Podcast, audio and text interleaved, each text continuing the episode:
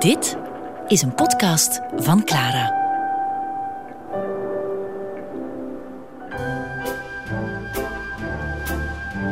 Verdwaalde stad. Dat is een van de ideale wereld, ken hem toch? Een leven in Gent.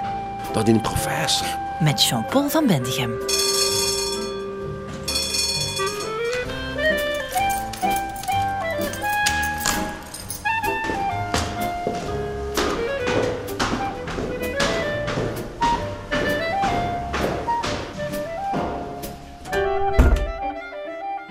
Ik ben geboren en getogen in Gent. Zelfs thuis geboren, hè, bedoel, niet in een ziekenhuis. De Vrijdagsmarkt, het uh, in ieder geval middeleeuwse centrum uh, van Gent. Wij zijn een familie die heel weinig extern geheugen heeft. Dus het aantal foto's dat in onze familie circuleert is minimaal. Van, mijn eerste, van die eerste levensjaren, dus die eerste negen jaren dat we op de Vrijdagsmarkt hebben gewoond, wat heb ik? De obligate foto van iedereen in de familie op 18 maanden. Dus dat is de baby van anderhalf jaar uh, op een kussen. Die foto heb ik nog. Uh, op een kussen. En dan dus de klasfoto's. En dat is werkelijk uh, alles. Van, van mijn jeugd heb ik die foto op 18 maanden, de klasfoto's en mijn schoolrapporten van die periode. En dat is het. Dat zal zeker te maken hebben waarom ik zo gefascineerd ben nu om die verhalen te willen vertellen uh, over Gent, ook naar anderen toe. Uh, we zijn naar, bij mijn oudste broer zit er iets meer materiaal, maar veel is dat niet. Dus we, zijn blijkbaar, we hebben blijkbaar het idee, oké, het, is wat je bijhoudt in jouw hoofd. Als dat verdwijnt uit jouw hoofd, dan moet het zijn dat het niet de moeite was om het bij te houden. En, en voor, op zekere hoogte klopt dat eigenlijk ook wel, om heel eerlijk te zijn. er is niks zo geestig om nu met mijn broer samen te zitten en, ons en, en, dan elkaar te ambeteren uh, met vragen zoals het Zuid, zoals wij het in Gent zeggen, het, uh, uh, aan het Zuidpark. Hoe zag dat eruit voor de laatste grote verbouwing? En dan krijg je van die heerlijke gesprekken. Ja, maar de tram 5 reed daar toch, hè? Tram 5, maar dat kan niet, die heeft daar nooit gereden. En wat zou hij dan trouwens gereden en daarna dan, van het zuid naar waar? Wel, toch naar Sint-Anna? Sint-Anne? Dat was nooit een tram geweest.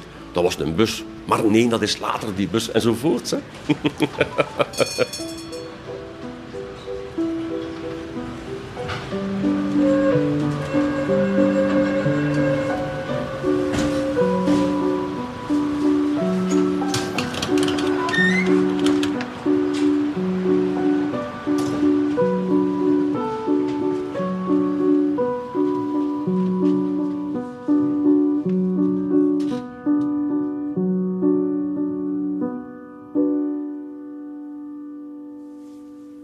Mijn intreden in deze wereld was op zich al een merkwaardige gebeurtenis.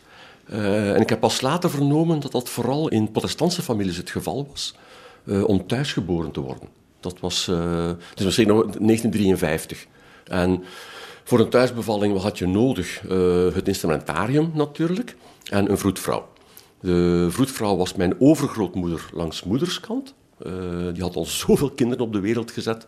Uh, eentje erbij, dat was nu het minste van het minste. En ja, de uitrusting die je nodig had, dat kon je halen in een uh, apotheek. pannenmaker. en dan kon je een kist krijgen, echt een kist. waar dus alles in zat wat je nodig had voor een bevalling. Ik ben blijkbaar s'morgens geboren. het was vroegmarkt. Dus mijn vader was bezig met de, de vroegmarkt. En ik ben uh, de aanhalingstekens de nakomer. Uh, er zit uh, vijf jaar met mijn ene broer, zeven jaar met mijn andere broer. En het idee was eigenlijk wel de stille hoop van mijn moeder dat na die twee jongens er nu eindelijk dat meisje zou komen. wat dus niet gebeurd is. En mijn vader die toch even een moment vond toen het, het, bericht kwam, het is er. En mijn vader die, die, naar boven loopt. En dit heb ik alleen maar van horen zeggen, uiteraard. Uh, daar heb ik geen uh, herinnering aan. Mijn vader die alleen maar de deur uh, openstak en vroeg... En, wat is het? Een jongen. Oh, godverdomme. Deur toe en terug naar, naar, de markt. ik dacht, als entree is dat niet zo slecht. Hè? Ik bedoel... ik had dus iemand anders moeten geweest zijn. Dat is een idee dat ik altijd, altijd heb meegedragen. Het doet zo denken aan, aan Peter Handke zijn versie van van Caspar Hauser. Ja, daar is die, de, de, de centrale zin. Ik wil iemand worden zoals mijn vader geweest is. Ja, ik, misschien wilde ik wel iemand worden, maar van bij de start was ik niet de persoon die, die men gewenst had. Ik was als kind gewenst, uiteraard, hè, maar eigenlijk had ik moeten een meisje geweest zijn. En ik heb het gevoel dat dat heeft blijven doorwerken mijn leven lang. Dus als mensen mij nu vragen geslacht, dan is mijn antwoord primaire geslachtskenmerken man, secundaire geslachtskenmerken vrouw. Dat, ik heb het ene keer ja, soms krijgt een mens wel eens een mooie inval. Waar was dat voor? Kan dat voor de standaard geweest zijn? Ik weet het niet meer juist. Waar je een aantal vragen krijgt om te, om te beantwoorden. En een van de vragen was: als men een film zou maken van uh, jouw leven, uh, wie, wie uh, moet de hoofdrol spelen? En ik heb toen geantwoord: dat mag om het even wie zijn als het maar een vrouw is. dat dat uiteindelijk wordt rechtgezet. en dat een vrouw waarschijnlijk veel beter uh, mij kan begrijpen uh, dan uh, een man om gestalte te geven aan de mens die ik ben. Ik geloof dat, ik, ik geloof dat nog altijd. dus in die zin, het in de wereld komen was wel wat dat betreft een heel bijzondere ervaring. En als je de foto ziet van mijn 18 maanden, dan weet je niet, ben ik nu aan het kijken naar een jongen of naar een meisje. In het huidige tijdsgevricht zou ik waarschijnlijk een bijzonder actueel kind geweest zijn. Uh, terwijl mijn oudste broer op 18 maanden had al netjes uh, een broske, zoals men zegt. Dan, dan zag je van, een jongen, een jongen. Maar die derde daar, dat was, uh, dat was mysterieus. Dat lange haar nadien is dan nog helemaal een manier geweest om dat nog verder te benadrukken. half a be, philosophically, must ipso facto half not be. But half the bee has got to be a vis a vis its entity. Do you see? But can a bee be said to be or not to be an entire bee when half the bee is not a bee due to some ancient injury? Singing. A la dee dee, a one, two, three. Eric the half a bee. A B C D E F G. Eric the half a bee. Is this a wretched demi-bee, half asleep upon my knee? Some freak from a menagerie? No, it's Eric the half a fiddly-dum, a fiddly-dee, Eric the half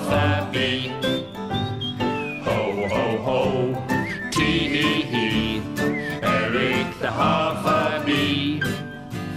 I love this hive employee, bisected accidentally one summer afternoon by me. I love him carnally. He loves him carnally, semi-carnally. The end. Verdwaalde stad. Een leven in Gent. Met Jean-Paul van Bendigem. Langs vaderskant komen we uit Zeeuws-Vlaanderen. Daardoor, uh, maar niet daardoor zijn we protestanten, dat is, dat, dat is foutief gezegd. Hè, want uh, Zeeuws-Vlaanderen is juist die perfecte lappendeken van daar een protestants dorp, daar een katholiek dorp. De verhalen van mijn vader en mijn grootvader daarover waren soms hilarisch. Uh, ook niet altijd. Dus langs van die kant protestanten, wat in Gent niet evident is, dat is een minderheid in het Gentse. Dus uh, onze kerk, uh, dat was de kerk aan het Rabot. Maar langs moederskant uh, kwam men uit Locristi. en Locristi, zoals ik het zelf altijd zo graag uitdruk, de begonia en de azalea is mij bekend. Want dat waren bloemen, bloemenbolkwekers. En diep katholiek, maar echt diep katholiek. dat kan het niet beter illustreren dan door het feit dat op het kerkhof in het centrum, dat daar nogal wat familiekelders waren. Dus simpelweg één enkel graf waar elk lid van de familie dat deze aardbodem verlaat, wordt aan toegevoegd. En één van de argumenten, één van de overwegingen, dat heb ik mijn grootmoeder nog weten vertellen, was de dag des oordeels. Als al de doden weer zouden opstaan voor de finale berechtiging, dan als je in een familiekelder ligt, dan weet je tenminste naast wie dat je uh, terug verrijst. Dat je niet moet gaan zoeken in de massa, maar waar staat uh, tante Zulman nu? Uh, en onkel Gérard, ik zie hem niet, enzovoorts. Nee, dan weet je, voilà, we staan hier terug in familie bijeen. Dat is een zo diep concrete beleving van dat geloof tegenover dat protestantisme. Dat in die zin dan meer verwantschap heeft met sommige strekkingen binnen het Jodendom, waarin het eerder de dagelijkse inrichting is van het leven. En, en, en dat streng gaan reglementeren uh, enzovoorts. Daarin opgroeien als kind, dat is heel erg bijzonder. Ik, ik, ik ben opgegroeid met twee levensbeschouwingen. En mijn grootvader langs vaderskant was daar heel duidelijk in. Twee geloven op één kussen, daar slaapt de duivel tussen. Dus één van de twee zou moeten toegeven. Dat is mijn moeder geworden, die er wel nooit spijt heeft van gehad. Ze vond dat protestantisme een aangenamere uh, godsdienst dan het rooms-katholicisme, omdat uh, de rol van het geweten staat centraal. En ik ben ook zo opgegroeid, om heel eerlijk te zijn. Ik heb dan nog, nog altijd de reeks over, uh, over Willem de Zwijger. En op dat moment wordt hij weggestuurd naar Duitsland. En heeft nog een laatste, s'avonds, nog een laatste gesprek met zijn moeder. En, en, en hij vraagt haar, wat, wat, wat moet ik doen als ik daar ben? En ik moet een beslissing nemen. Op wie of wat kan ik terugvallen? jullie, jullie zijn er niet. Wel, welke houvast heb ik nog? En dan zei die hem antwoord, jongen, luister naar de stem van jouw geweten. Dat is Gods stem. Oh, ik werd dus gewoon week. Ik bedoel, uh, van... maar ik ben, ook met dat idee opgegroeid. Op het einde van een dag is het jouw geweten dat bepaalt wat je gaat doen. En als iemand anders zegt, ja, hoe durf je nu zoiets doen? Mijn geweten zegt mij dat ik dit moet doen. Ik zeg dit nu allemaal misschien wat aan de uitvoerige kant, maar het opgroeien als protestants kind in een stad als Gent is wel bijzonder.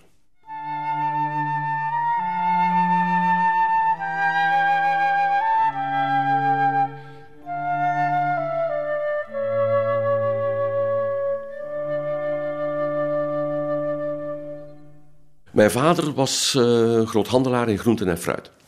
En die vrijdagsmarkt was, was uh, een aaneenschakeling uh, van cafés en handelszaken. Dat was, er werd evenveel aan, aan zaken gedaan in die cafés, misschien soms zelfs meer in de cafés dan in de handelszaken zelf, die in eerste instantie vooral depots waren. Ik bedoel, je had daar de marchandise, zoals men het zo mooi zegt, had je daar staan. Maar voor het handelen zelf, dat was heel vaak op basis van vertrouwen. En uh, ik zie mij nog altijd staan als kind van zes, zeven uh, aan het raam. Uh, met had ook een klein balkonnetje aan het raam waar je een zicht had op de, die markt. En dan zag je de volgende scène.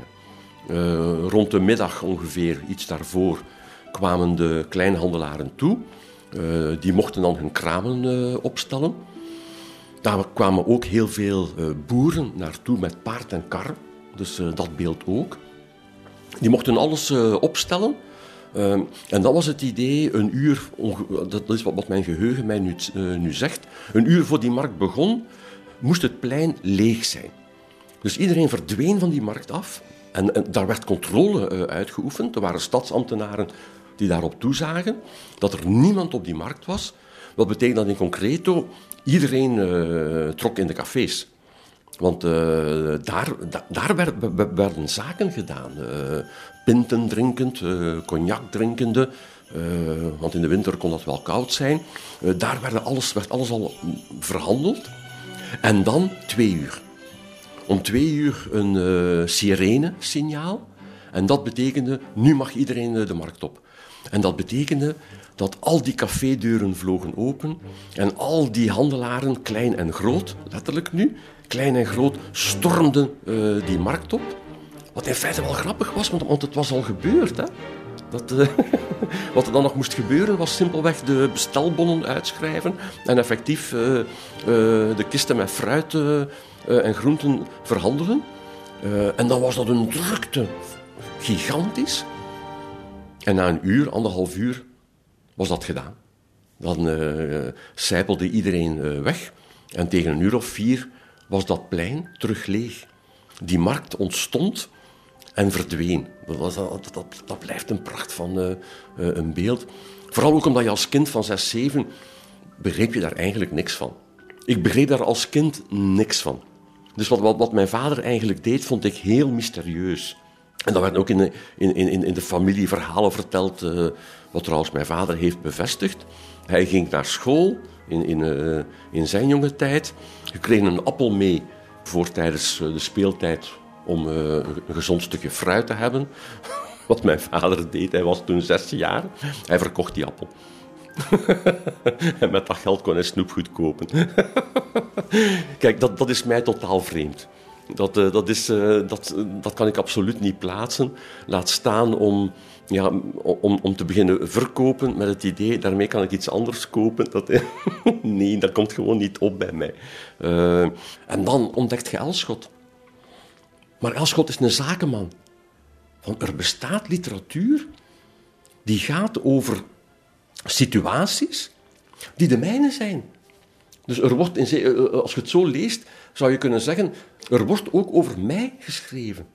Het milieu waarin ik in zit, is niet zo onbelangrijk dat, uh, dat elke auteur zegt, ja, daar, moet, daar moet je niet aan beginnen, daar kun je niks over zeggen. Nog altijd voor mij dus, hè, de Elschot, dat het, het besef dat wat je denkt banaal te zijn, helemaal niet banaal hoeft te zijn als je de bereidwilligheid hebt en, het, en de goede blik hebt om te zien wat er bijzonder is aan uh, dat specifieke.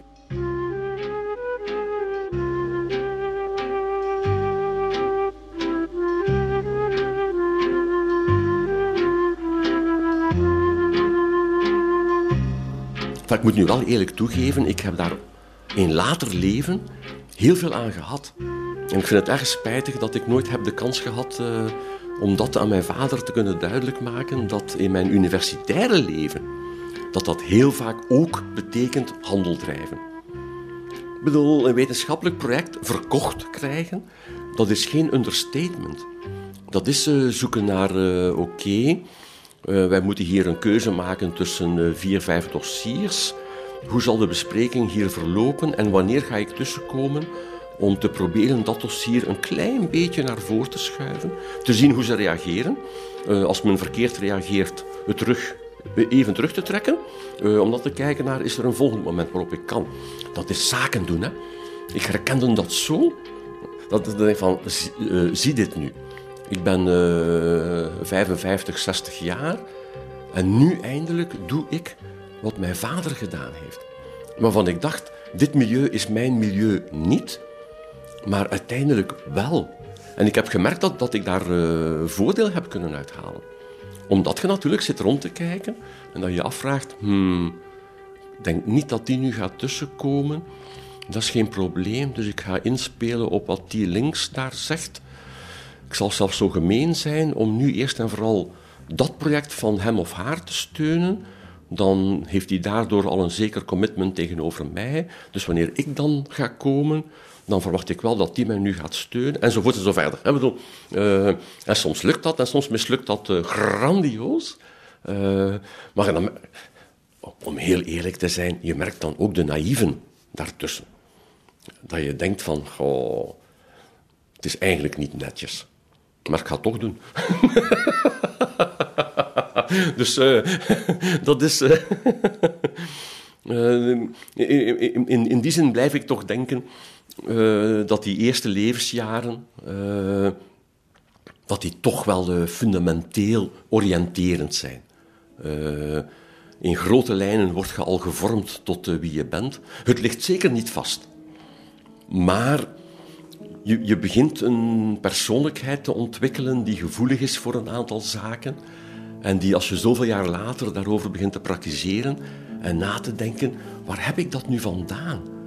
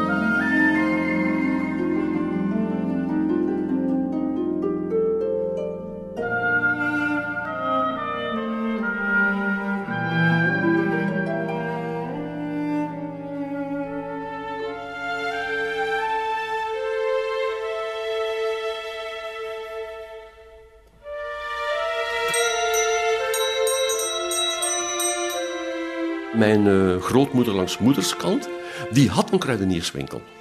Uh, richting uh, Dampoort. dus in de eigen familie hadden we de twee samen. Zowel de groothandel als de, als, de kleinhandel. En daar zit voor mij... Oh, dat is een herinnering waarvan ik werkelijk niet weet waarom zit nu die herinnering in mijn achterhoofd zo sterk, zo levendig. Mijn grootmoeder uh, sloot haar winkel over de middag, een uur. Uh, zij zelf uh, dan even. Ik zat daar dan en de radio stond op. Het nieuws begreep ik weinig of niks van. Maar daarna kwam iets wat zo wonderbaarlijk was, dat je echt toch als kind het idee had, hier wordt nu geheime informatie uitgewisseld. En alleen zij die ingewijd zijn weten waarover dit gaat, namelijk de beursnoteringen. En dat was fantastisch. Die stem die eraan begon. FINA, plus 2. Union Minière, min 3. En dat werd dan meestal gevolgd door de waterstanden. Het bestuur van de waterwegen deelt mee. Boven Schelde stuwend de Asper, grote schuif 50 centimeter opgehaald. Op de Maas stuwend de Astière gesloten. Dat, uh... Te Ledenberg, twee opgehaalde schotbalken. De toestand is normaal. Twee opgehaalde schotbalken. En te de toestand is normaal. Als kind, eh, ja, jouw verbeelding slaat op hol, hè. Van wat, is, wat, wat doen die daar met die balken allemaal? Dat, uh, en dan die plus twee, min drie. Welke geheimen zijn die aan het uitwisselen? En een ander aspect, ja, een kruidenier, wat in die periode uh, opgang begon te maken, was de, zeg maar, de gadget.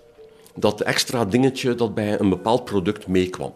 Uh, een doos koekjes en daar kwam dan een of ander speelgoedje uh, mee.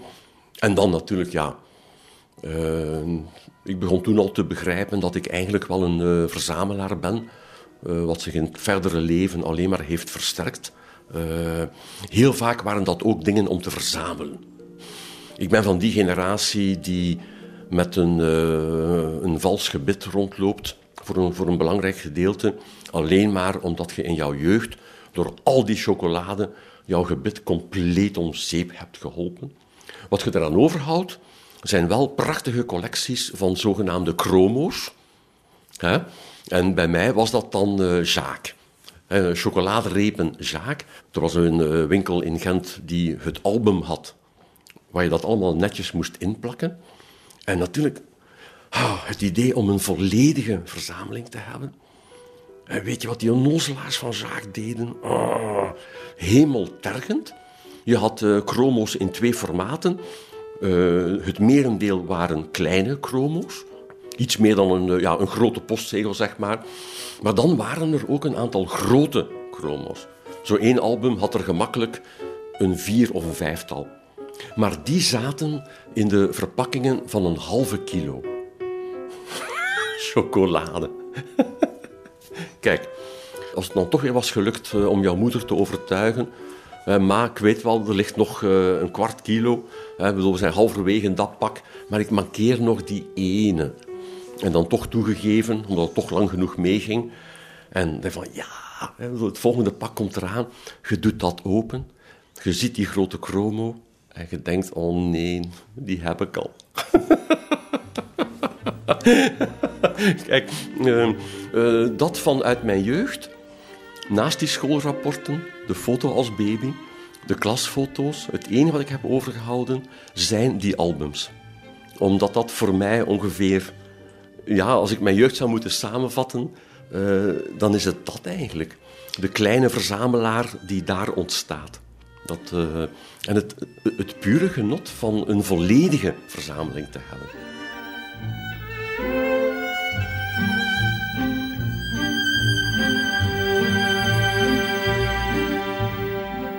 Ik heb eindeloos dingen verzameld. Dat was werkelijk. Uh, en, en, ook al het beginnen aanleggen van lijsten. Je had jouw albums van Suske en Wiske. Ja, die stonden daar gewoon. En als die netjes geordend waren, dan volgden die rangnummers elkaar op. Waarom dan nog eens een aparte lijst maken, handgeschreven, met de album, titel van het album, nummer van het album? Dat moest daarbij horen. Dat, eh, anders was dat niet volledig. Altijd mijn ouders enorm bewonderd uh, dat ze mij maar hebben laten doen. Dat, uh, ik zou mij kunnen voorstellen dat andere ouders zeggen, maar stop daar nu mee. Bedoel, dit is gewoon compleet onnozel. Die, die albums staan daar. Uh, nee, die keken daarnaar met een blik. Hmm. Goed, wat wel meespeelde, ik was goed op school. Ik bedoel, uh, op één jaar na, het tweede studiejaar, uh, was ik primus perpetuus. Eén jaar niet. toen mijn beste vriend heeft mij, heeft mij ingehaald. tweede studiejaar. De grap is dat we elkaar nog altijd kennen. maar ik heb het hem vergeven, het is goed. op Atheneum zes keren de primus. Ik bedoel, dus is deze knaap naijverig Zeer zeker. Ik bedoel, uh, dat werd toen echt wel een spel van ik wil hier... Hmm, dat, uh, dat, maar dat, dat, is, dat, is daar, uh, dat, dat is daar begonnen.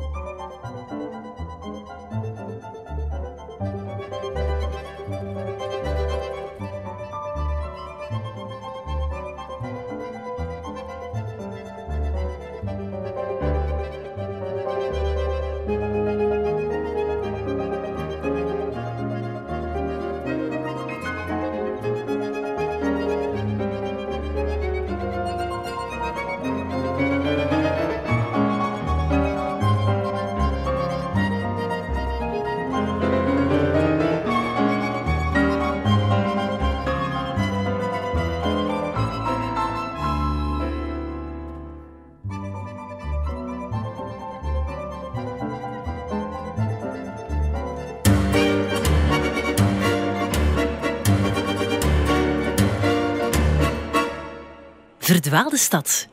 Een leven in Gent. Met Jean-Paul van Bendigem. Ja, we staan op de vrijdagsmarkt. Uh, uitkijkende naar uh, Jacob van Artevelde. Die we nu op de rug zien. Want uh, hij wijst richting Engeland, zoals iedereen weet natuurlijk.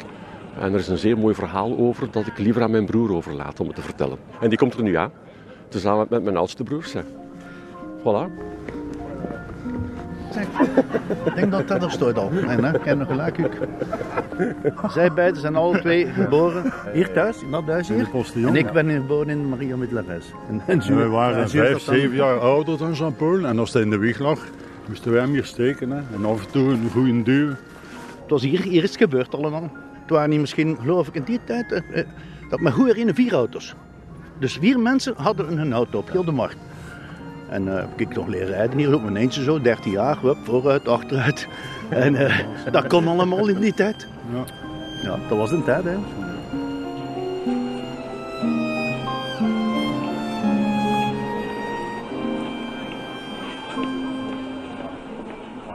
Dat eh, roept veel herinneringen op. Ja, zeer veel. Maar het moet rekenen, toen, de vrijdagmarkt was dus de vroegmarkt, hè, drie keer in de week. Dus dat was om half twaalf opstaan, dus ik sliep van boven daar in, de hoek. Dat was mijn kamer.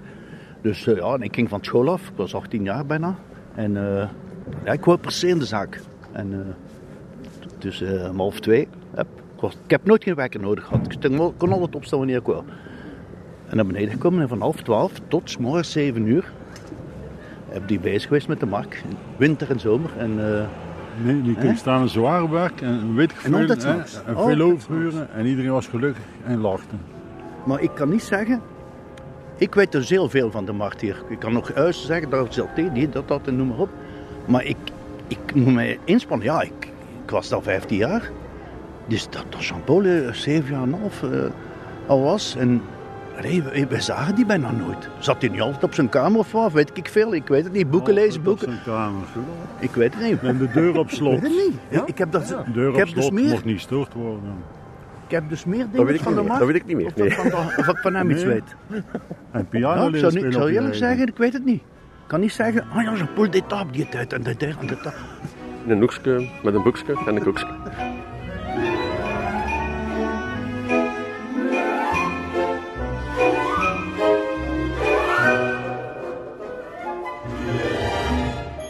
Mij zagen ze niet. Ik zat ergens op de tweede of zelfs op zolder eh, rustig op mijn gemak. Er waren altijd mensen aanwezig in dat huis. Eh, Familie, vrienden, zakenkennissen enzovoorts. Eh, ik kon daar niet mee over de baan.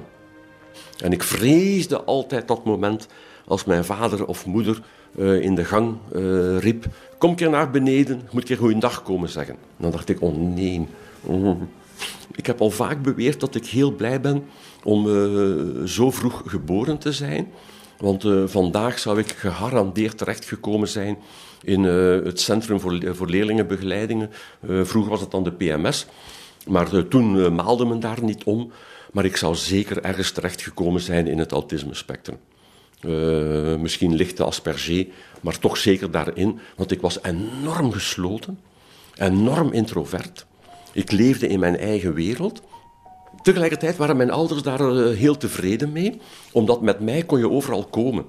Ik bedoel, bij familie op bezoek gaan, heel simpel. Zet klein Jean-Paulke in een hoekje met een boekje en een koekje. En de komende twee uur hoorde je niks vanuit die hoek. En dat was ook zo. Dus dat, dat, dat, is, dat, dat is raar hoor. Eh, mijn twee oudere broers hadden dat helemaal niet. Die eh, gingen echt op in die groep.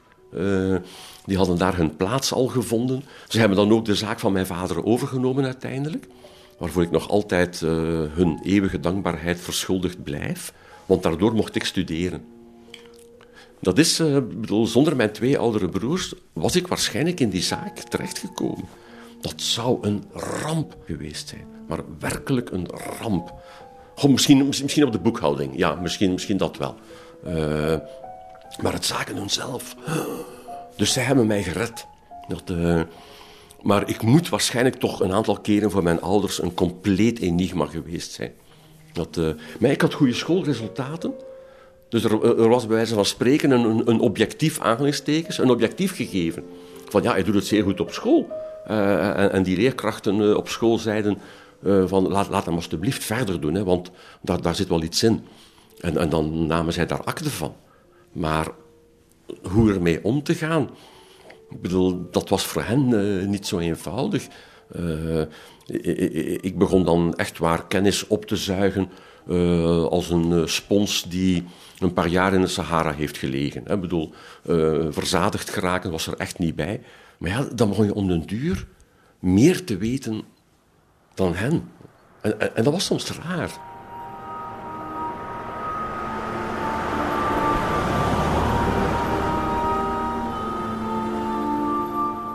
Het was iemand, mijn vader, eh, ons vader, die, eh, die kon rekenen. Ik, heb die dikwijls nog getest. Bijvoorbeeld, ik zeg maar iets uit mijn hoofd nu, 342 maal 78.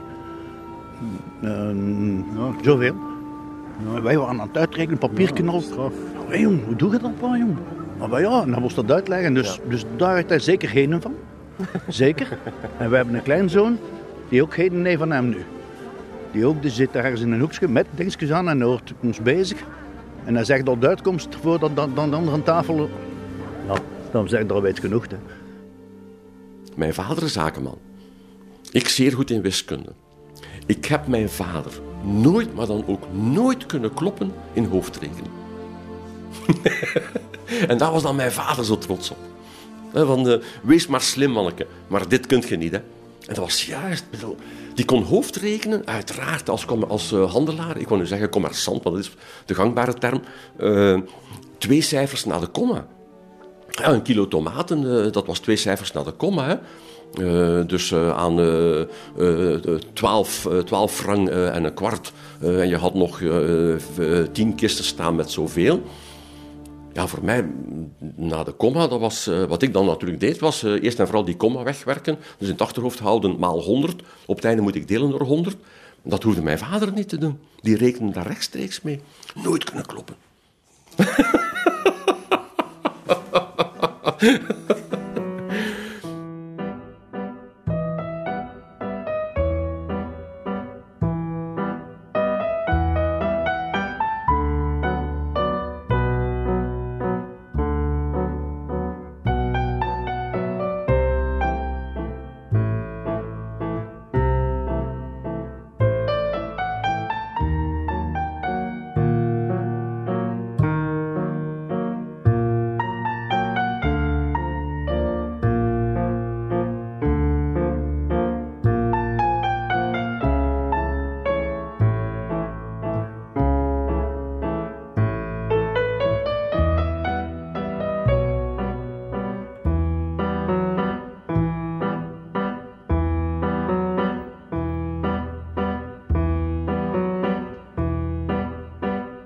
ben opgegroeid in een zeer zakelijke omgeving. En, en, dat zette zich door in, in op ongeveer alle aspecten een zakelijke benadering van de, de wereld. Dus ik heb altijd dat, dat idee, ik ben daarmee opgegroeid, van dat uh, protestantisme als zeer zakelijk. Dus mijn vader bijvoorbeeld, die uh, zijn geloof altijd ernstig genomen heeft, ja, een van de regels is, spreek altijd de waarheid. Maar dan kun je geen zaken doen. Ja, nee, het hele spel is juist uh, dat de ene begint aan een prijs die te laag is, jij die begint aan een prijs die te hoog is. En na heen en weer chagren moet je ergens in het uh, uitkomen waar je alle twee tevreden bent. Uh, dus, en je moet in het begin zeggen, sorry, dat is mijn prijs. Als je denkt dat ik daar ga ondergaan, dan zijt je wel een grote onnozelaar. Hoewel je dus perfect weet, ik ga er uiteraard onder gaan. En die ander weet dat ook. Een subtiel spel van waarheid, onwaarheid, leugen, misleiding, die nu eenmaal noodzakelijk is. Maar mijn vader kon dat niet verenigen met zijn geloof. Dus had hij een contractueel denken ontwikkeld. En ik vond dat eigenlijk schitterend mooi. De week is voor mij, want ik moet zaken kunnen doen. De zondag is voor God. Dus God moet zich niet moeien tijdens de week. Want anders kun je geen zaken doen. Ik, ik, ben in die mentaliteit opgegroeid en dat had uh, zeer aangename neveneffecten. Bijvoorbeeld, uh, lagere school. Je zou verwachten, protestantse godsdienst. Ah, nee, dat zijn die protestanten dan weer.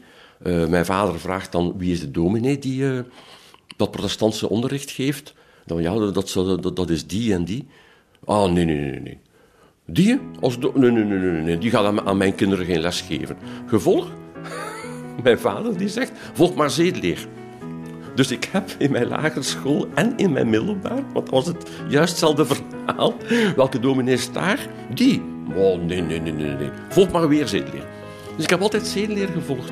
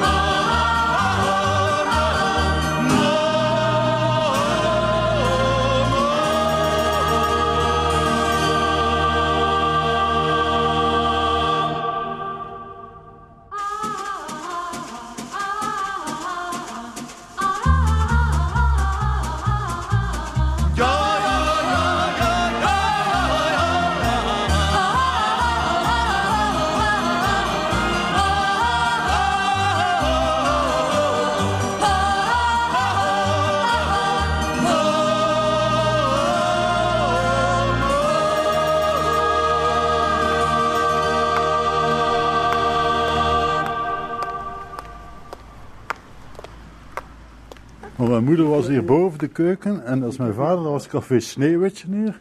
En als dit te lang stond mijn moeder aan het venster te kijken naar hem aan de toog. Zo, ik kon maar naar huis komen. Rare toestanden. dat is- dat is Rare logisch, toestanden. Het is logisch, in die tijd werd alles, alles, hier waren vijf cafés naast elkaar. Hè, 1, 2, 3, 4 en de vijfde was er tussen dat. En alles wat afgerekend werd achter de markt. Eh, kom, kom Bert. En ze gingen in een café een koffie drinken om vijf uur of zes, dus daartussenin. En dan werd dat afgerekend, gewoon een café, zo. Dat dat nu moest doen, dan stonden je tien overvallers, zal ik maar zeggen, bij wijze van spreken. Dan was dat, nou dat- koffie drinken? Koffie Ja, drinken? maar nee, nee. Maar, ja, maar als je nu opzet van half twaalf. Ja. En dus uiteindelijk, ja, het is dan half zes, half zeven, zeven uur. En dan moesten we naar Brussel vertrekken, want daar hadden we ook een zaak. Dus je komt daartoe en je hebt dus al potten koffie, koffie gedronken. Dat je zegt, hé, hey, hallo, wat moet ik nu doen? Dan is half negen en dan durf dan een keer een pintje pakken. En dan zei er natuurlijk iemand die, ja, een buitenstaander maar je drinkt er nu al een pint, jongens, u vroeg. Maar leg het maar uit, hè. Je kunt niet... Ja, hoe moet het doen? Hè? Ja, de middenweg. Hè? De gulden middenweg. Maar je moet dat wel stoppen natuurlijk daarna. No comment. No En dat, comment. is, en dat was het grootste gevaar. Wij zaten winter en zomer buiten, altijd buiten. Jean-Paul heeft nog meegeholpen voor vakantiejobs bij ons, dus ja. Hè? Alles met hand. En was plezant, hè? Aha, ja. Je hebt het niet lang gedaan, hè? Dus om je maar te zeggen. Dus ja, dat was, een, dat was zwaar, hè, allemaal. Dus ja, dat kun je nu niet meer voorstellen. Ik heb het dolgraag gedaan, maar ik zou het nooit meer doen. Ik zou even doorbijten en toch proberen iets, iets langer eh, school te gaan. Ja. ja, nee, nee, dat zou ik niet meer doen. Maar dat was een, eigenlijk is dat in een zekere zin onmenselijk. Dat is niet normaal. Dat is niet normaal. Want wij nu, je zei met pensioen. En, en ja, je hebt allemaal je hebt allemaal gebreken en al en noem maar op. Die je dus opgedaan hebt in frigo's. In de zomer gaat de frigo binnen, het is buiten 28 graden. Je gaat naar frigo binnen waar dat 5 graden is. Ja, iedere keer die vest aan doen, dat doet er niet. Wat is er gebeurd? Ja, je hebt chronisch, eh, chronisch slijm, zo gezegd.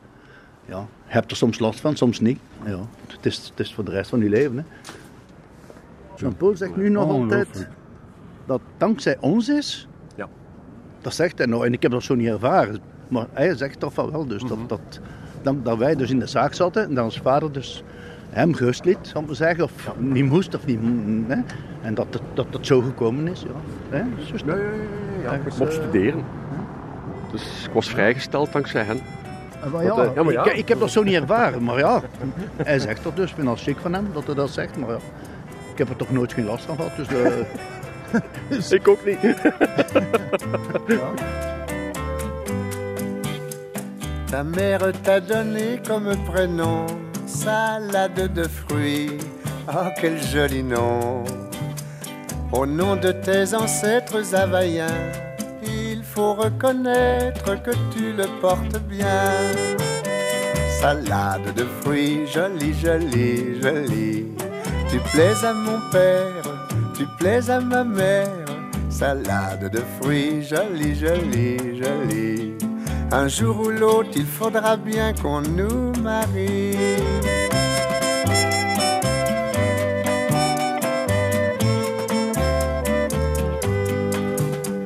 Pendu dans ma paillote au bord de l'eau, y a des ananas, y a des noix de coco. J'en ai déjà goûté, je n'en veux plus. Le fruit de ta bouche serait le bienvenu. Salade de fruits, jolie, jolie, jolie. Tu plais à mon père, tu plais à ma mère. Salade de fruits, jolie, jolie, jolie. Un jour ou l'autre, il faudra bien qu'on nous marie.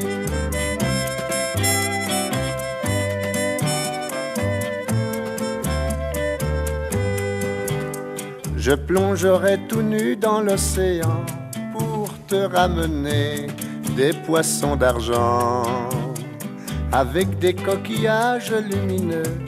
Oui, mais en échange, tu sais ce que je veux. Salade de fruits, jolie, jolie, jolie.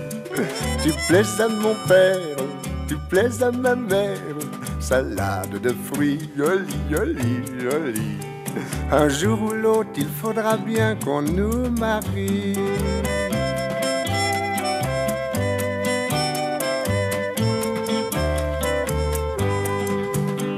On a donné chacun de tout son cœur ce qu'il y avait en nous de meilleur. Au fond de ma paillote au bord de l'eau, ce panier qui bouge, c'est un petit berceau. Salade de fruits, jolie, jolie, jolie. Tu plais à ton père, tu plais à ta mère.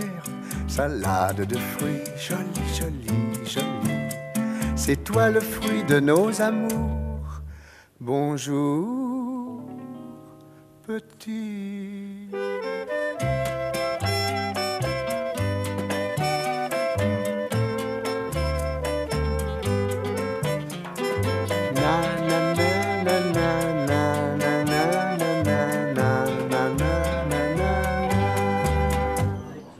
Oh ja, dat is, dat is uh, voor 1940, hè?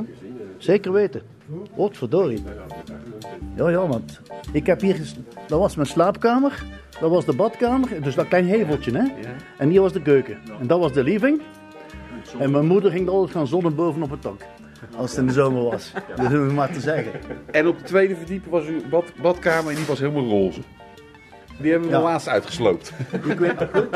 Ik weet het goed. Het enige waar mijn Maar dat broer was niet het. over gesproken is, is van de Hense feesten. Hè.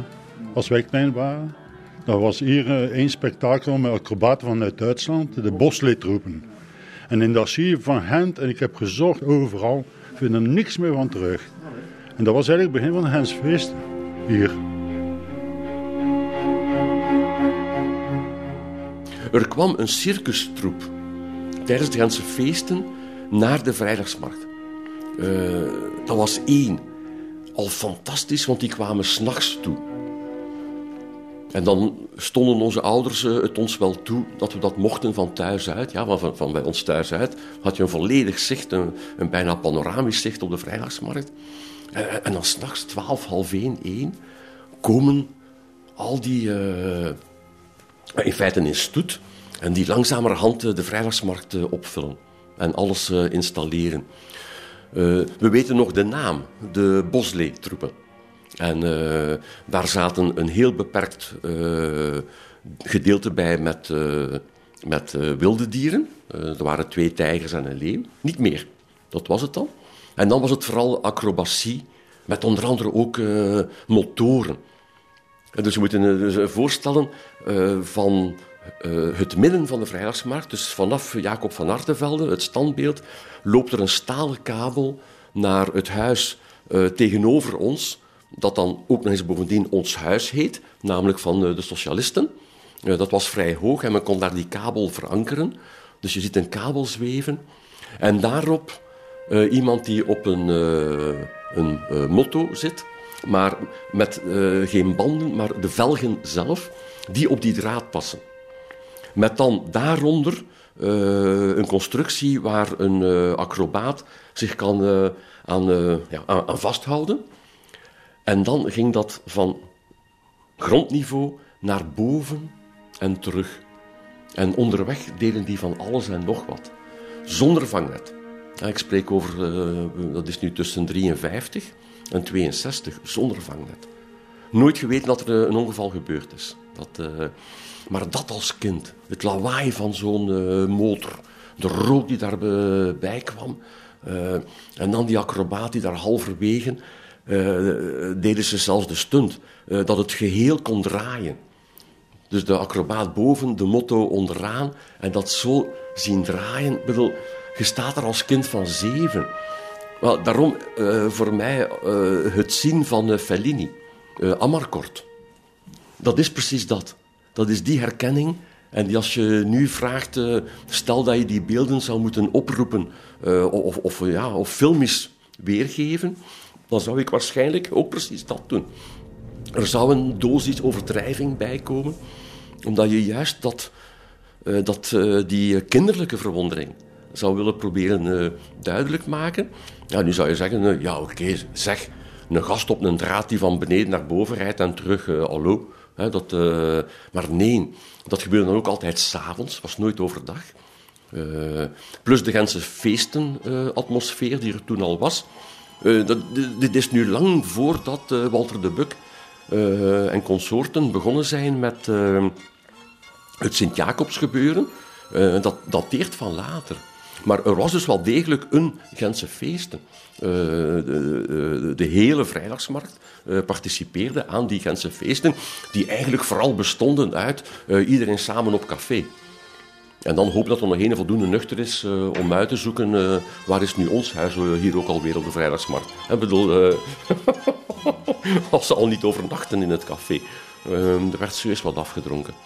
Dus in die zin ook, de alcohol is mij zeer wel bekend. Maar ja, ik heb altijd gezegd, de olie van het zaken doen is alcohol. Toen toch. Mij zou het plezier moesten er hentenaars zijn, van onze leeftijd, die documentatie hebben film. Misschien heeft het toch nog iets liggen, maar toch zou ik het graag een keer terugzien van die bosleertroepen. Ja, dat geldt voor mij ook. Want, eh, Ja, als dat mogelijk is, mogen ze eh, altijd telefoneren aan mij. Ja, maar ja, 0476 niks. 86 41 07. Je moet me altijd een keer contacteren. 0476 86 41 07. Echt, dat meen ik. Ik heb alles gezocht in de grens. Als ze hier vinden, niets. Terug. Maar niets, hè. Zelfs Walter de Buk wist het niet. Ik heb Walter de Buk ooit tegengekomen, zit mij op het terrasje, bij hem gaan zitten. Zei hij ook een beetje stichter van de Hensfeest. Zei Bosletroep. Bosletroep, Bosletroep, wat is dat voor iets? Oei. Zei de stichter van de Hensfeest. Zei wat blieft.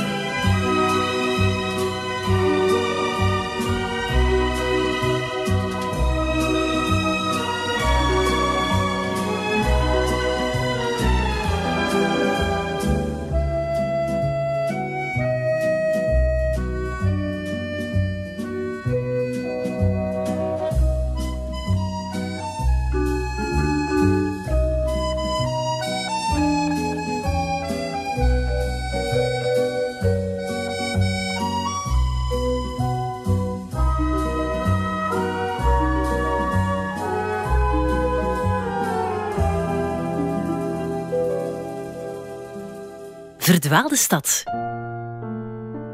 Een leven in Gent. Met Jean-Paul van Bendigem. Wat grenst aan de vrijdagsmarkt aan de ene kant is het Paterzol. Waterzol in die tijd was wel zo zeg. dat je er niet durfde in gaan, hè? Nee, nee, nee. nee. Amai. Goh, dat kwam er niet levend uit, hè? en nu, en nu, nu een klein huisje daar kost een fortuin.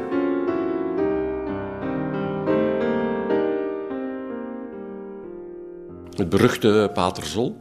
Dat is voor iemand die in, in eh, Gent is geboren en getogen en er altijd gebleven is, eh, is dat wel een merkwaardige evolutie geweest.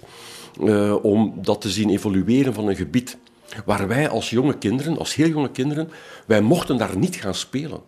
Want dat was het gebied van het zogenaamde, de Gentse term maar gebruiken, van het zogenaamde krapul. En dat, eh, nu goed, het, het, het, het was ook zo. Ik bedoel, sociaal bekeken leefde daar werkelijk wel de, de, de, de onderste sociale laag.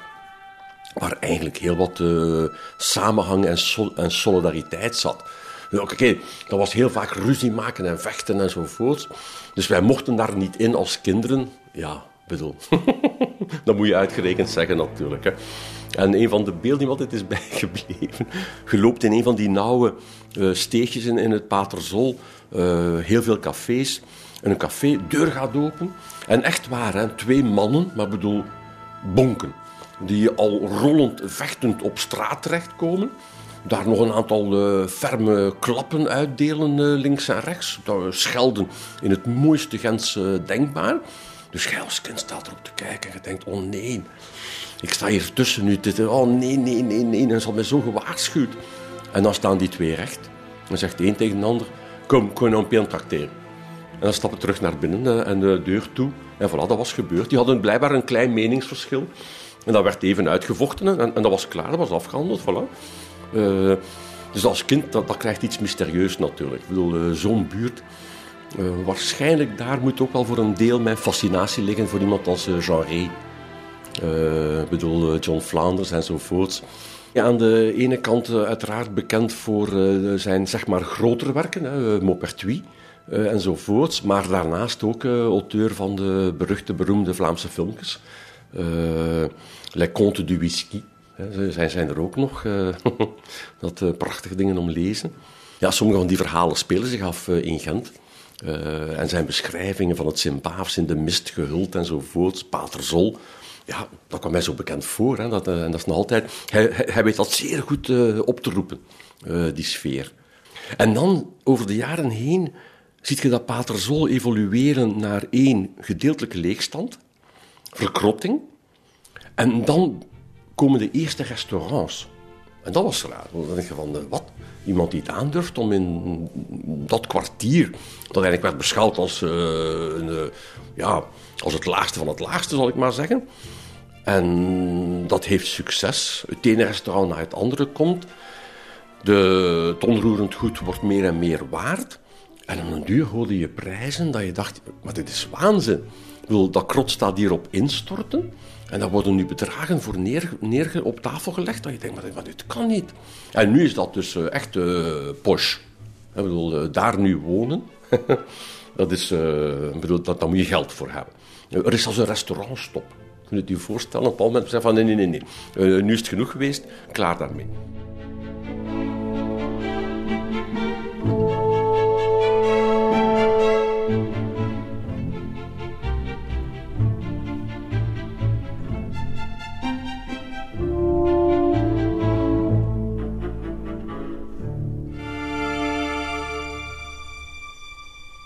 Ik heb er juist gezegd in de auto, mijn broers met thuis komen afhalen. En ik zat in een auto en ik zeg zo tegen hem... Ik heb nu toevallig het dagblad gelezen, vrijdag. En daar staan dus in, achter Hawkins. Wie zijn nu de slimste mensen? Het is daar een meisje van in Texas. En noem maar op. En dan zijn er daar onder andere nog een, Bennett geloof ik. En Penrose. En ik lees dat en ik zie staan hier...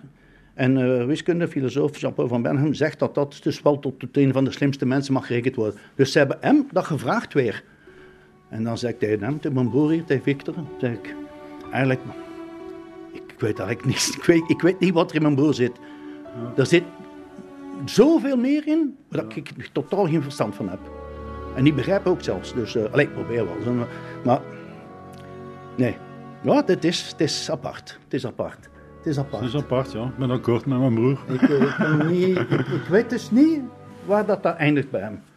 Dus van de, de, kennis die, de, kennis die hij heeft. af en het, is hem, het heeft hem doorgezet. Ja. Want, zelfs, want zelfs in Holland, dus we hebben, ja, onze familie van Bendegem is uitgeweken naar België, een deel. Eén, alleen één grootvader, zou ik maar zeggen. En die, die heeft hier gekomen wonen. En eh, mijn negen kinderen. En dus, ja, die hebben altijd in Zaamslag tegen Axel gewoond. Hè. Dus, en en dat is, daar wil ik nu even opkomen. Die, we hebben alle vijf jaar een reunie. En daar sta ik versteld. Dan die allemaal van Jean-Paul weet. Oh ja, maar Jean-Paul, ja, ja, ja Jean-Paul. Hè. Hey, we hebben hier, hey, hallo allemaal, even luisteren. We hebben hier wel een professor in ons midden. Hè. En dus dat, dat ik zeg, godverdorie. Zeg het, hè? Dus die, die, die volgen alles. Ik, ik, weet het niet, maar het is zo. Het is zo, ja. Het is zo. Ja, en dat, dat, dat ja, dat, ik vind het spijtig, maar het is nu eenmaal zo ook dat mijn vader dat nu allemaal niet meer kan meemaken tot waar het nu gekomen is. Hij heeft het allemaal meegemaakt als het begonnen is. Maar ik vind, vind het spijtig voor hem, want hij was super fier op zijn drie kinderen, maar meest op hem.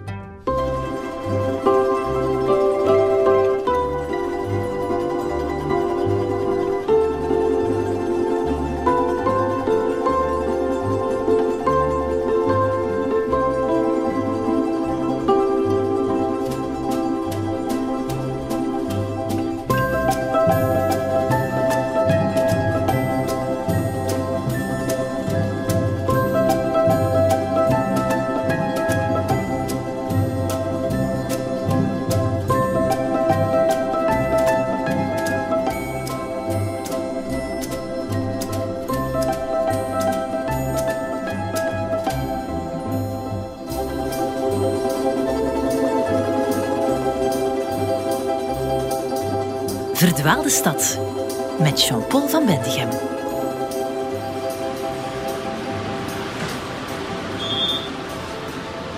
Van mijn 9 tot mijn 12 zijn we verhuisd van uh, de vrijdagsmarkt naar uh, richting rand van de stad. Uh, in, de, in de buurt van het, wat nu vandaag het universitair ziekenhuis is, toen het academisch ziekenhuis. Omdat mijn vader al voorzien had dat die markt op de vrijdagsmarkt dat die zou verhuizen naar een andere plek, namelijk op Zwijnaarden. Dus was zijn idee daar dichterbij gaan wonen.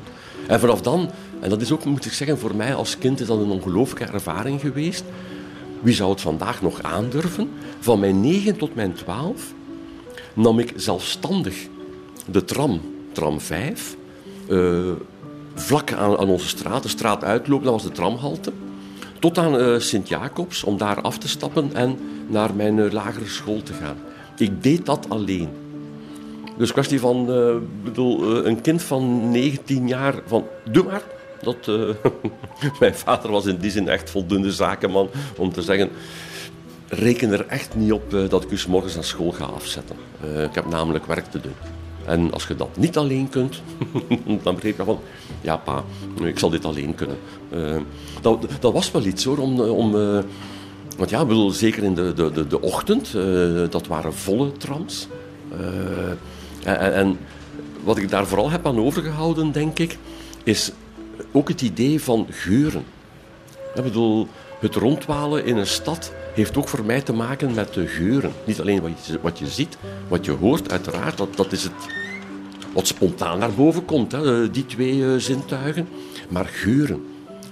Op die tram staan en het is uh, aan het regenen, maar fel het giet.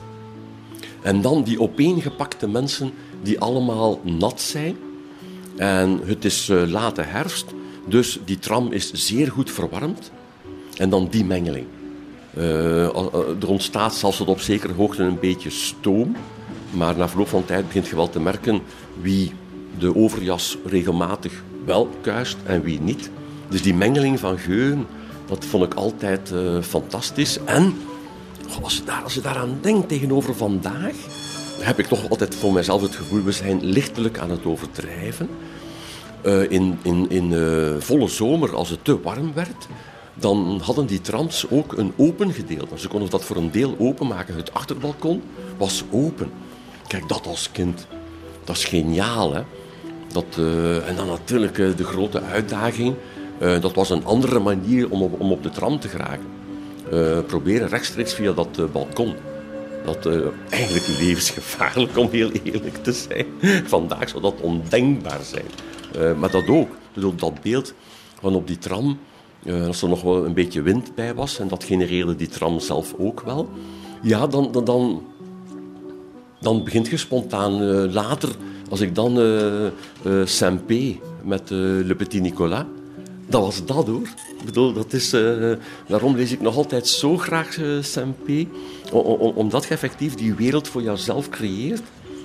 Waar je als een, maar dat weet je dan niet op dat moment, maar als een meer dan volleerde Jeroen Meus. Met al die ingrediënten die je krijgt aangeboden. Wat je ziet, wat je hoort, wat je ruikt, wat je, wat je voelt. Om daar iets van te maken dat dan uw recept is. Uw beeld van die wereld waar jij je kunt in uh, bewegen. En waar als het dan meevalt, je nog iemand hebt die ongeveer hetzelfde doet. Ja, als je dan op school zo'n paar vriendjes hebt die dat fenomeen ook herkennen, uh, dat is heerlijk, hè, want dan zit je samen in die wereld.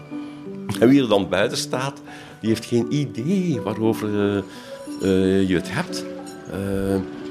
En, ja, daar zit al dat eerste idee van die verwondering, van die verbazing. En voor een stuk ook het maken van de wereld.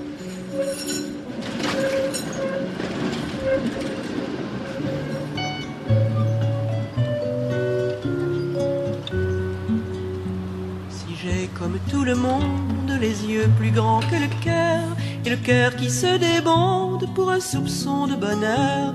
Si j'ai mal à mon enfance, j'ai l'avenir courageux, et pour un prix d'excellence, j'abandonne tous mes jeux. Mais je me sens dérisoire, juste à côté de l'histoire décalée, comme un point dans une image, comme un petit personnage de santé.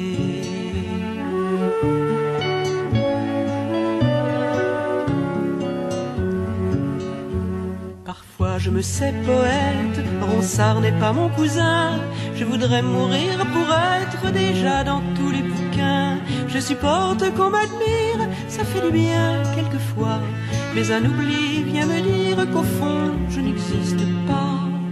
Et je me sens dérisoire, juste à côté de l'histoire décalée, comme un point dans une image, comme un petit personnage de santé.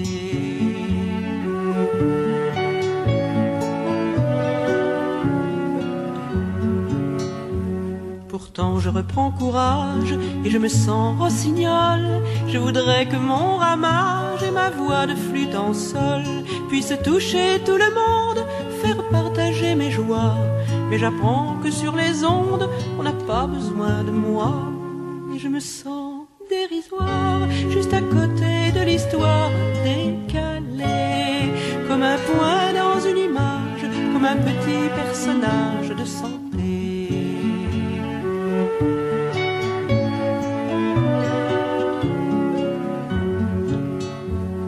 Se croit irremplaçable, mais on est finalement qu'un infime grain de sable entre les griffes du vent. Il arrive aussi qu'on gagne, mais on perd au prochain coup. On déplace des montagnes qui ne sont que des cailloux. Et on se sent dérisoire, juste à côté de l'histoire décalée, comme un point dans une image, comme un petit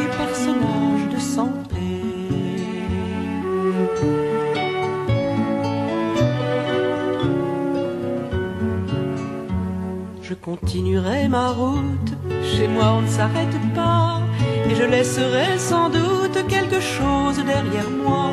Alors le plus bel hommage, ça serait de me laisser me promener dans l'image, je ne ferai que passer, et je serai provisoire, une fourmi dans l'histoire rassurée, un être humain dans la foule, dans la tendresse qui coule de santé, comme un point dans une image, comme un petit personnage de santé.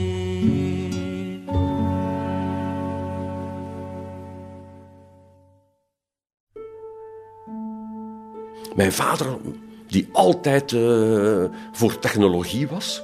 Het, uh, techniek betekent vooruitgang. Dat is heel simpel. Dus uh, komt er een nieuw product op de markt dat laat zien... wij zetten een volgende stap in de vooruitgang der mensheid... dan moest hij dat hebben. Wij waren de eerste op de vrijdagsmarkt. Dus dat moet dan, ik denk, 58, 59 geweest zijn... met een televisietoestel. Wat dus betekende dat uh, als er op zondag, uh, wat al gebeurde toen, dat er een uh, match werd uitgezonden, dan was dat dus een cinema. Ik bedoel, de hele vrijdagsmarkt was ongeveer, zat bij ons in de huiskamer op elkaar gestapeld om dat te volgen. En een van de eerste niet ja, Vlaamse, Belgische kanalen die erbij kwamen, dat was, zoals het in Gent dan uiteraard werd genoemd, Rijssel. Dus de Franse, de Franse televisie. Uh, ik heb daar relatief veel naar gekeken en het is merkwaardig dat uh, mijn Frans daardoor niet uh, dezelfde standaard heeft kunnen bereiken als mijn Engels. Dat is eigenlijk wel raar. wat is daarvan het gevolg? dat ik heel veel figuren heb leren kennen in het Frans. Bijvoorbeeld Laurel Hardy. Dus ik hoor nog altijd uh, die stem, die, uh, want dat werd allemaal gedubt. En dat, uh, dus voor mij, als je zegt Lauren Hardy, de dikke en de dunne, dan, dan hoor ik meteen conversaties als Bonjour, monsieur Laurel, vous êtes vous?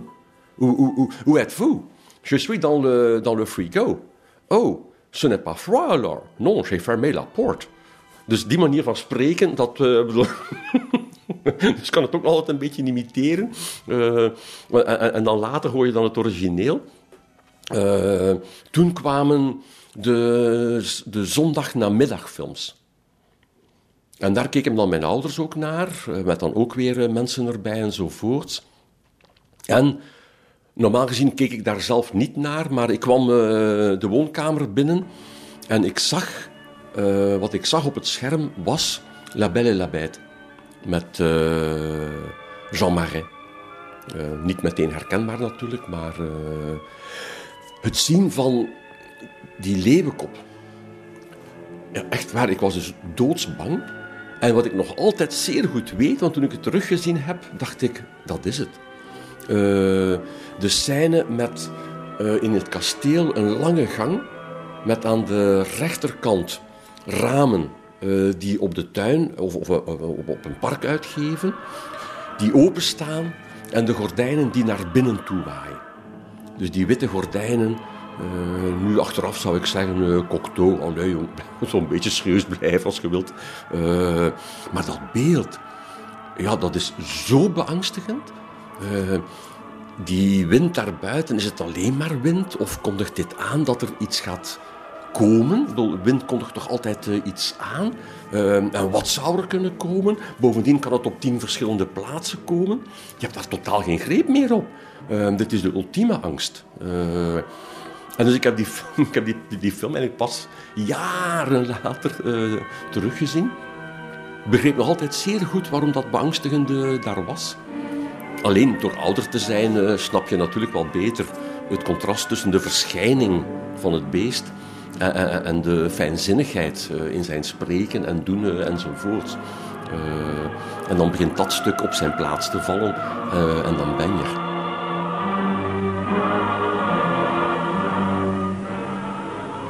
Dove bella? Dove bella? En dan, eh, ja, wat was dat dan eigenlijk? Eh, ik ben een van die kinderen geweest die op zaterdagavond is eh, opgegroeid met chips en cola. Eh, en dan, ik heb ze allemaal gehad. Dus zeg tegen mij The Man from Uncle. Ik kan daar beginnen over vertellen. Zeg tegen mij eh Mannix. Of zoals wij het altijd zeiden, Marnix. En dat, eh, als je het een beetje kon vervlaamsen, dan deed je dat toch wel. Hè? Mannix, waar, waar- waarop leek dat nu? My name is Napoleon Solo.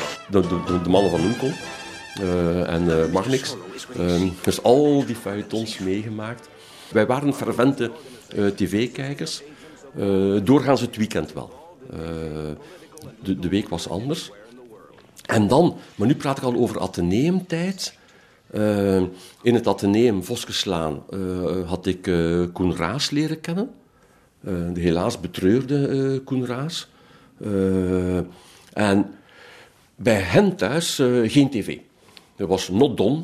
dat, maar ja, bedoel, ook voor Koen als eh, opgroeiende knaap eh, was dat toch niet zo evident. En, en nu weet ik, gewoon, nu twijfel ik ook of het, eh, Frans, of toen al Frans 1, Frans 2 waarschijnlijk wel. Op één van die twee zenders was er een laatavondprogramma op zondag. Ja, mijn geheugen zegt mij Cineclub de Minuit. En het mooie was, wat ze deden in die Cineclub de Minuit, was ongeveer eigenlijk wel een historisch filmoverzicht. Dus elke zondagavond een film uit het filmrepertoire. En eh, wat gebeurde er dan? Koen kwam eh, over eh, tot bij ons thuis. Mijn ouders waren al gaan slapen. En dus wij twee zaten daar voor de tv om het volgende stukje toe te voegen aan onze filmkennis.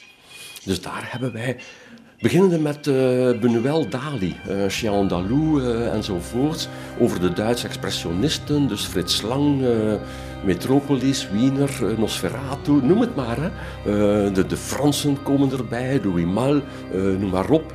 En dan opschuiven naar de jaren eh, 40, 50.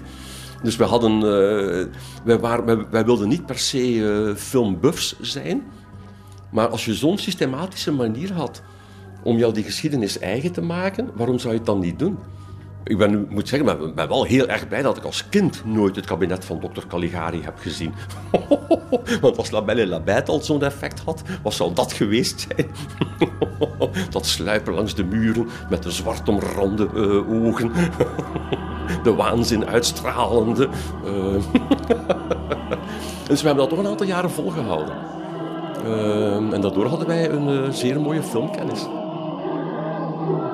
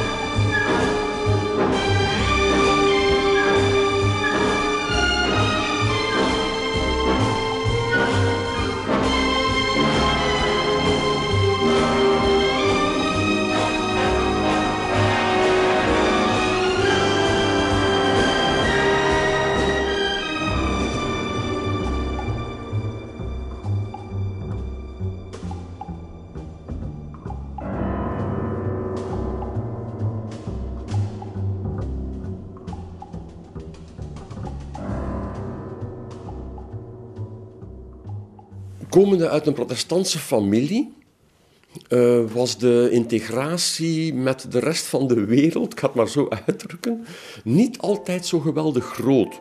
Wat ik bedoel is, de protestantse gemeenschap uh, in Gent was eigenlijk wel een vrij gesloten gemeenschap. Dus een aantal sociale voorzieningen die er waren, algemeen gesproken, daar uh, maakten wij of mochten wij geen gebruik van maken. Dat heeft voor gevolg gehad dat uh, lidmaatschappen van uh, scouts bijvoorbeeld, nee.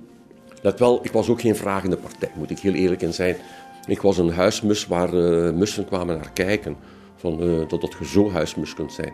Dus nee, dat is me allemaal gespaard gebleven. Wanneer heb ik de eerste keer, ik durf het bijna niet zeggen, uh, nogmaals, mijn geboortejaar is 1953, het is niet 1853, maar ik heb de eerste keer een trein genomen toen ik 17 was. Jawel. Daarvoor zat ik ofwel in de uh, auto natuurlijk uh, bij mijn ouders, bij mijn vader als chauffeur, of reed ik al mee met een van mijn oudere broers, het zou kunnen. Maar het nemen van een trein heb ik dan pas ontdekt wist ik veel dat ik daarna een van de meest fervente treinreizigers zou worden die je in België kunt bedenken, wegens pendelaar onder andere. Dus in die zin, uh, ik was enorm, uh, in feite enorm geïsoleerd. Ik was toen mij aan het omscholen tot fervente lezer. dus dat betekende in het Gentse een van de belangrijkste boekhandels toen, voor mij dan toch althans, was de Marnix boekhandel. Dat een van de zeer leuke dingen, hè? de Stadbibliotheek. Toen onder de kundige leiding van Johan Dijnen. Uh, daar mochten bepaalde boeken niet ontleend worden. Dus uh, Gangreen 1 van Jeff Gerards. Als je geen 18 was, dan kreeg je dat niet. Dat stond met name in het bureau van Johan Dijnen zelf. Daar heb ik geen enkel probleem mee. Je moet de literaire bijscholen natuurlijk. Maar de grap was, je ging 500 meter verder naar de Ajuinlei in de Marnix en daar kocht je dat dan. Dat. dus misschien moet ik wel Johan Dijnen dankbaar zijn dat hij mij heeft aangemoedigd om op die manier aan mijn persoonlijke bibliotheek te beginnen. Van ja, als ik het niet mag ontlenen, dan, dan, dan, koop ik het wel. Hè, zeg. Uh, dat was eigenlijk wel uh, bijzonder grappig, om heel eerlijk te zijn. Maar ik ben een beetje aan het afdwalen nu. Uh, wacht hoor, we proberen te retraceren. Dus bibliotheek, boeken, uh, Korman.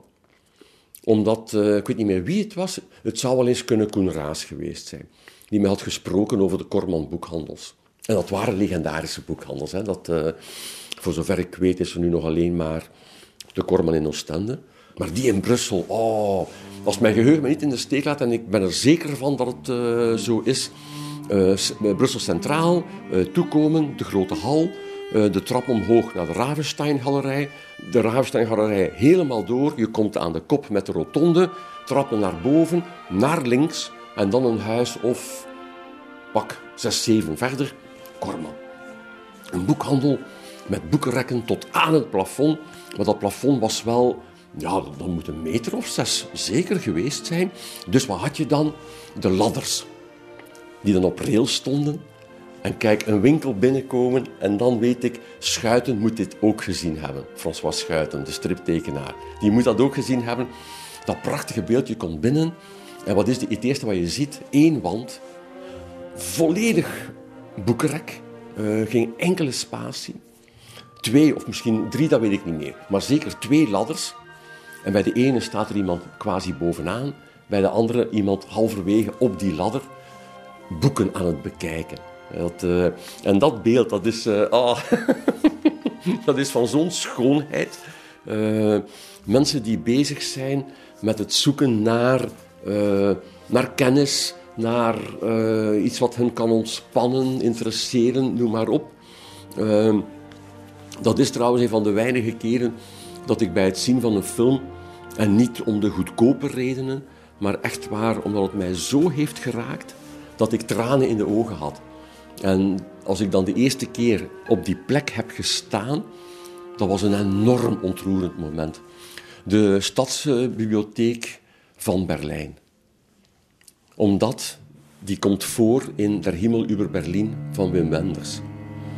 En niet alleen is het architectonisch uh, gewoon subliem.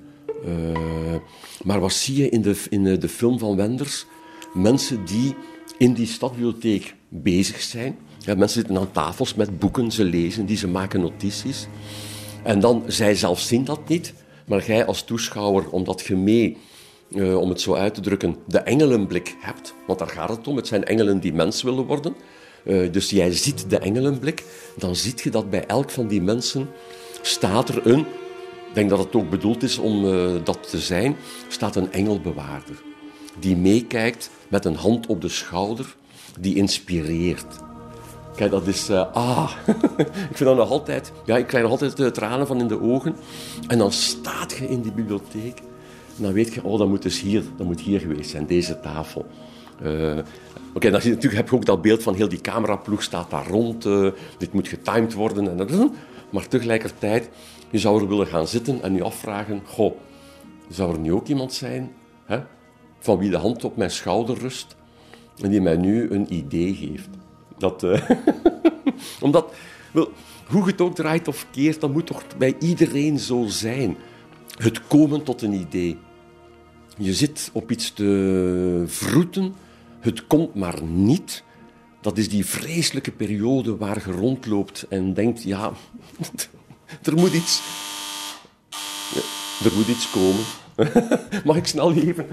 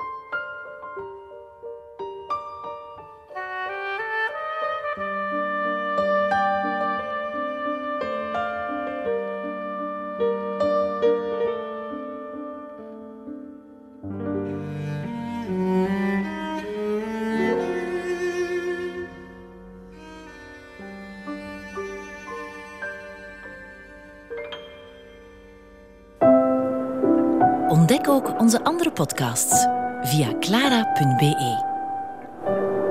Clara Podcasts.